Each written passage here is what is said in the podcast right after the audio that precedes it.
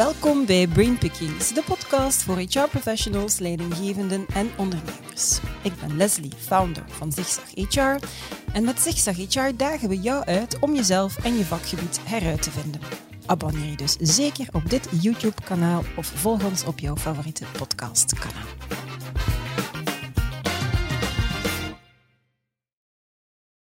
Elk jaar krijgen meer dan 26.000 mensen op beroepsactieve leeftijd te horen dat ze kanker hebben. Dat zijn dus 73 mensen per dag. Dat betekent dat elke werkgever in België vroeg of laat geconfronteerd zal worden met een werknemer die deze diagnose krijgt.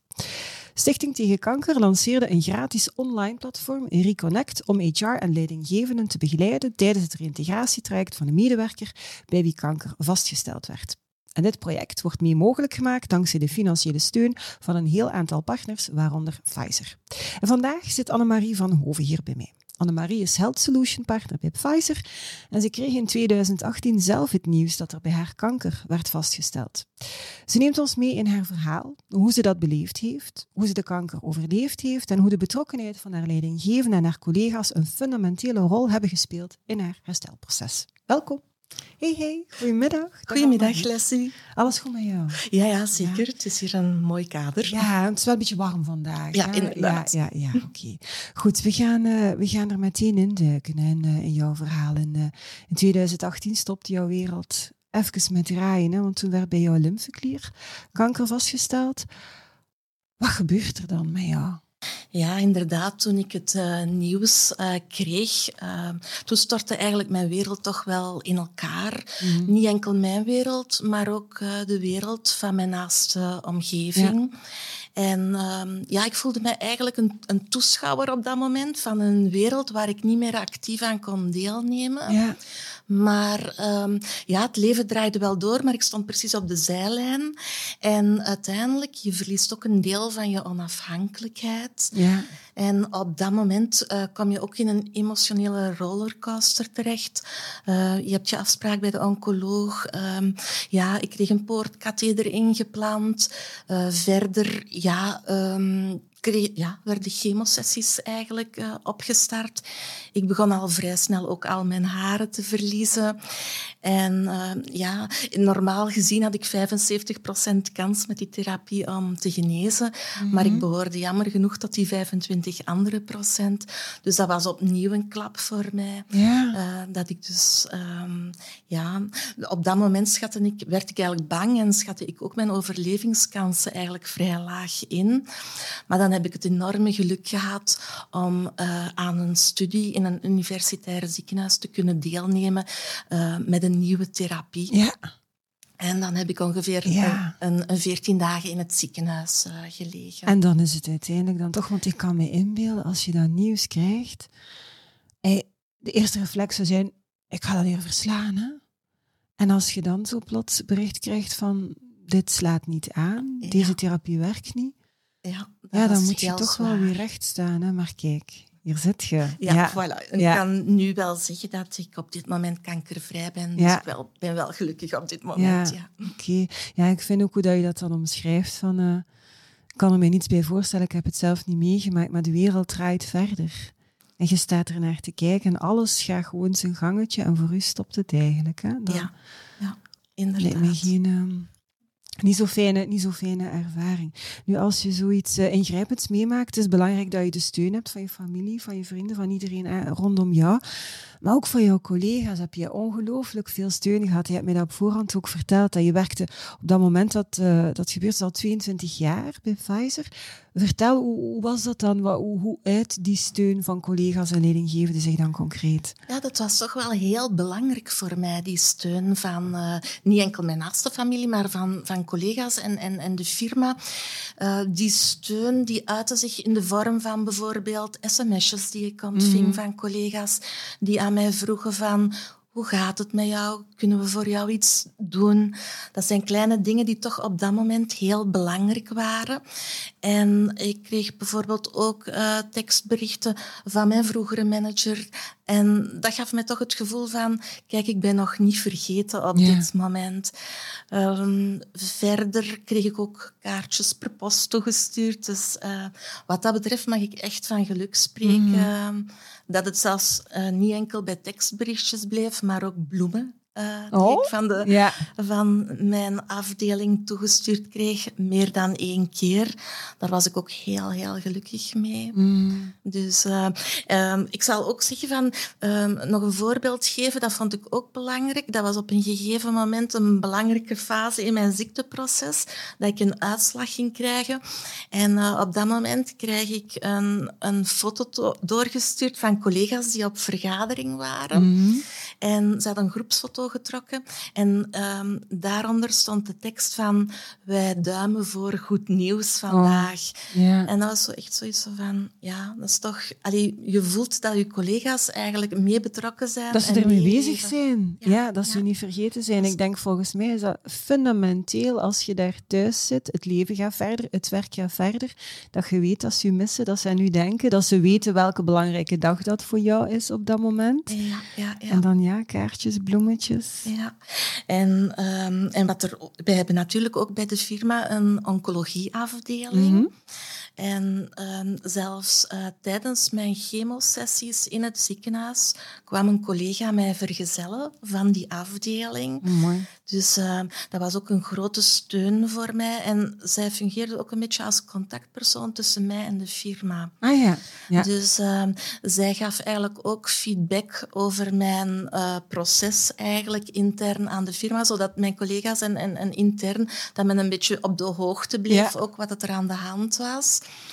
En um, verder zei zij, stelde zij ook voor van, als je wil, kan ik jou ook naar het ziekenhuis uh, voeren, moest je geen mm. vervoer hebben. En dat zorgt toch ja, voor een enorme betrokkenheid. En ik heb mij ook op geen enkel moment alleen gevoeld. Oh, ja. dus, uh, en eigenlijk die band met de firma is eigenlijk tijdens mijn ziekteproces op geen enkel moment verbroken geweest. Ik heb altijd een gevoel van betrokkenheid ja. uh, gehad. Wat extreem belangrijk is als, als we horen in onderzoek hoe dat komt dat het soms fout loopt, als mensen dan bij terugkeer naar werk en terug moeten starten, er komt al heel veel bij kijken, dat dat heel moeilijk wordt als er een ganse tijd geen contact is geweest. En vaak doen mensen dat in die organisatie met de beste bedoelingen van ja, we gaan niet storen, we willen niet tot last zijn, maar het is eigenlijk fundamenteel om te laten weten van, hé, wij denken nog aan u. Hè? Ja, inderdaad. Ja, ja. Mooi. Ook jouw leidinggevende toonde zich heel betrokken op een manier eigenlijk dat je geen zorgen meer moest maken over het werk. Ik weet dat je hebt me dat op voorhand verteld. Jij, jij wou eigenlijk niet te maken hebben met stress op het werk. Er zijn mensen die zeggen, ik, ik, ik wil weten wat er gebeurt. Voor jou was dat, je wou daar eigenlijk niet mee bezig zijn. Hè? Sommige mensen kan net heel helend werken. Um, hoe, hoe kijk je daar nu naar achteraf? Hoe, hoe, als je dat nu terugbeleeft, de rol van de leidinggevende, het feit dat hij daar zo goed mee omgegaan is dan? Ja, het is inderdaad natuurlijk heel individueel uh, verschillend. Uh, voor mij was het op dat moment heel belangrijk om in alle rust eigenlijk te herstellen. Dus ik had mm. echt behoefte aan rust. Maar ik weet, uh, een beetje afhankelijk van het ziekteproces zijn er grote verschillen tussen de mensen onderling. maar wat ik voornamelijk ook geapprecieerd heb aan mijn leidinggevende, is dat hij op een gegeven moment tegen mij zei van kijk, als je wenst, dan zullen wij jouw naam uit de adressenlijst van e-mails uh, verwijderen, mm. zodanig dat je niet geconfronteerd wordt met die werkdruk. Ja. En ik heb daar ook dankbaar uh, gebruik van gemaakt.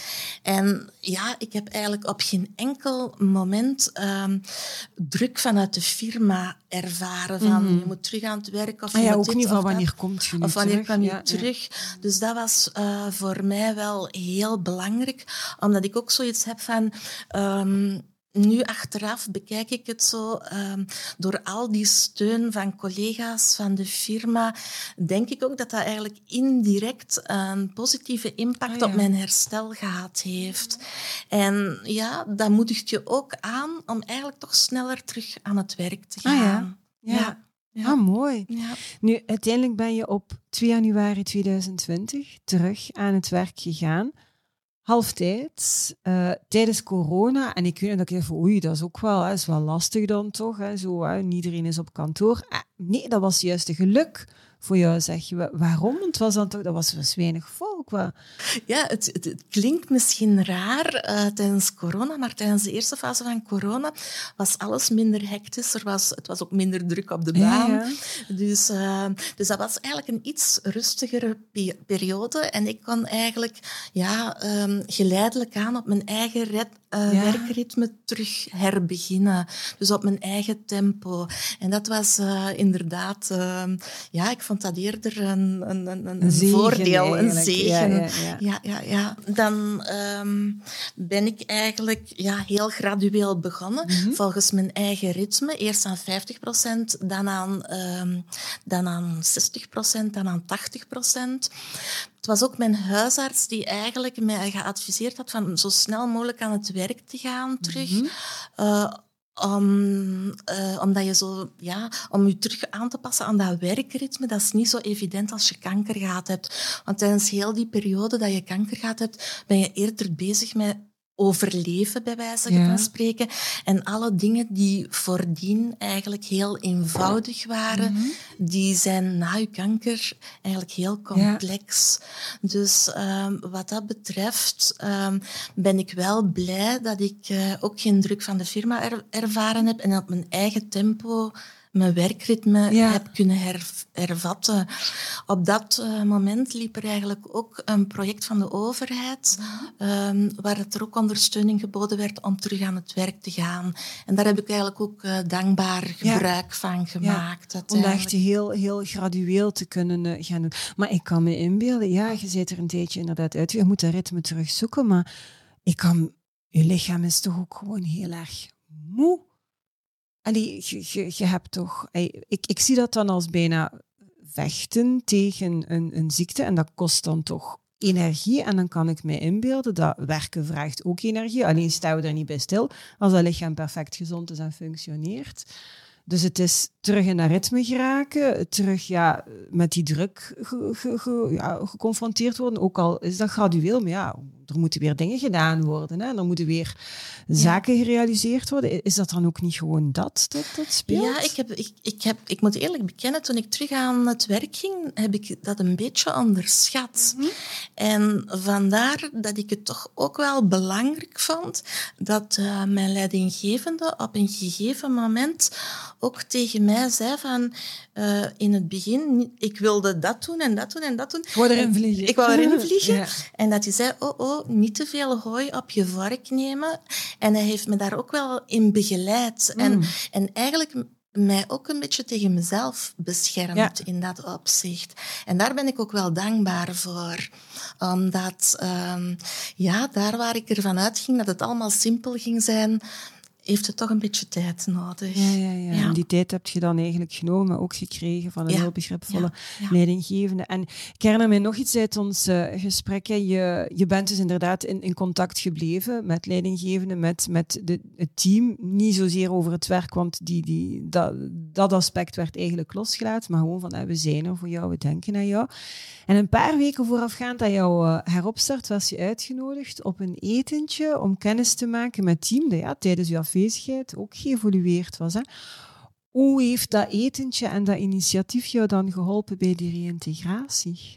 Ja, dat heeft, dat, was, dat heeft eigenlijk alles toch gefaciliteerd. En ik, mhm. ik ben achteraf ook wel dankbaar voor die uitnodiging. Dat ik een paar maanden vooral dat ik terug um, uh, van start ging, dat ik eigenlijk informeel, op een informele manier um, kennis gemaakt heb met mijn nieuwe collega's. Mm Er was ook een nieuwe team, teammanager. Dus, uh, dus een nieuwe leidinggevende. Een nieuwe leidinggevende ook. Dus dat was echt wel... Um, ik vond dat heel fijn. En het was ook heel fijn natuurlijk om een oudere collega's ja, uh, terug te zien.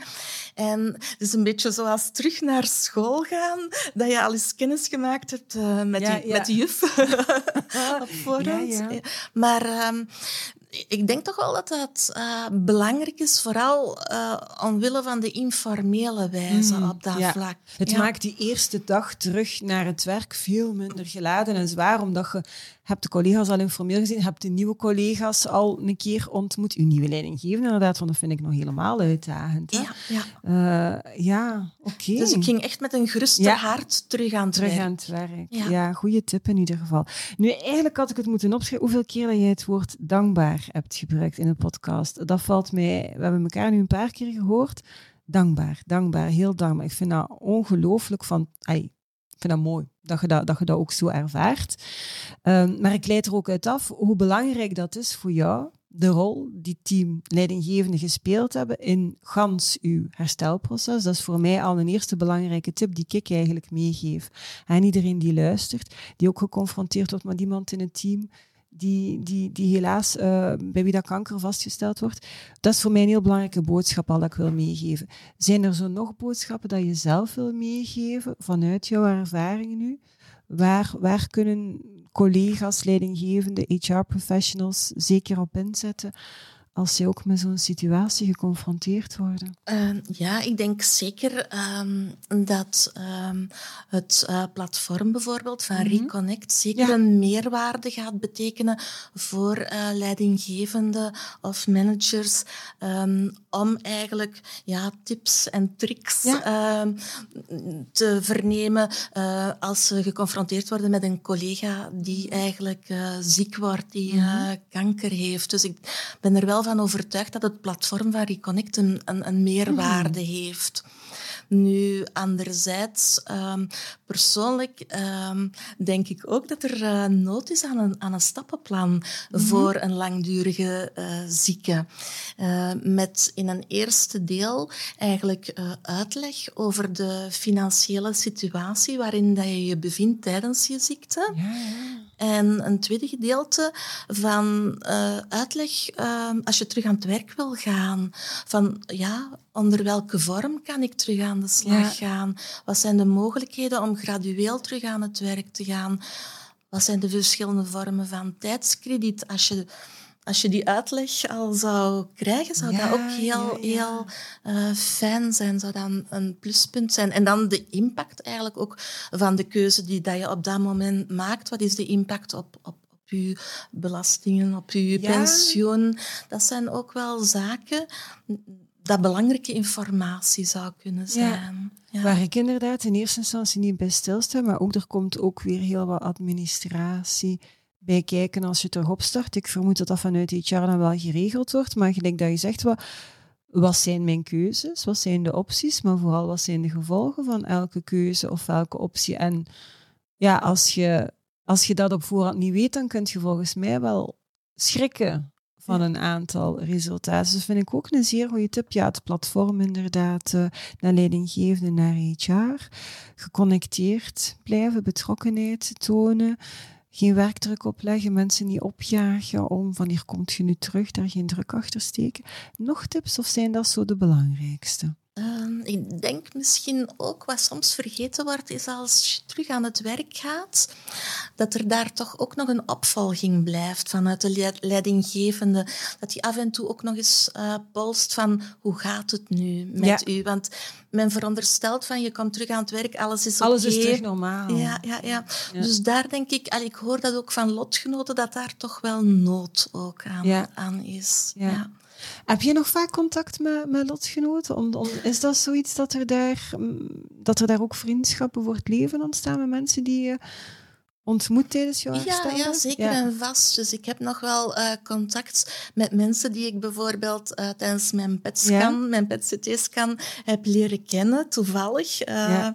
En, en ja, daar af en toe ja, wordt er nog wel eens uh, ge bijgebabbeld. en bijgebabbeld. Oké, okay, ja. maar zij, zij geven dan ook aan, allee, de, de tips die je nu eigenlijk meedeelt vanuit hun ervaring. Ja. Oké, okay, nog? Um, goh, dat zijn gewoon maar idee, dat was nog een ideetje eigenlijk van um, ja, uh, sommige personen hebben een buddy als ze ah, ziek ja? zijn. Maar misschien is ook een interessant idee een, een buddy als je terug aan het werk gaat, in de mate van het mogelijke natuurlijk. Maar iemand waar je in het begin een beetje beroep op kan doen als je extra vragen hebt of als er bepaalde veranderingen, wijzigingen zijn. Dus dat is gewoon naar een, een, een ideetje. Ja. maar zeker te overwegen waard. Er gaat altijd wel een collega of iemand op het werk zijn die, die eigenlijk graag die rol... Ja, ja zeker en vast wat dat betreft. Ja. Mooi.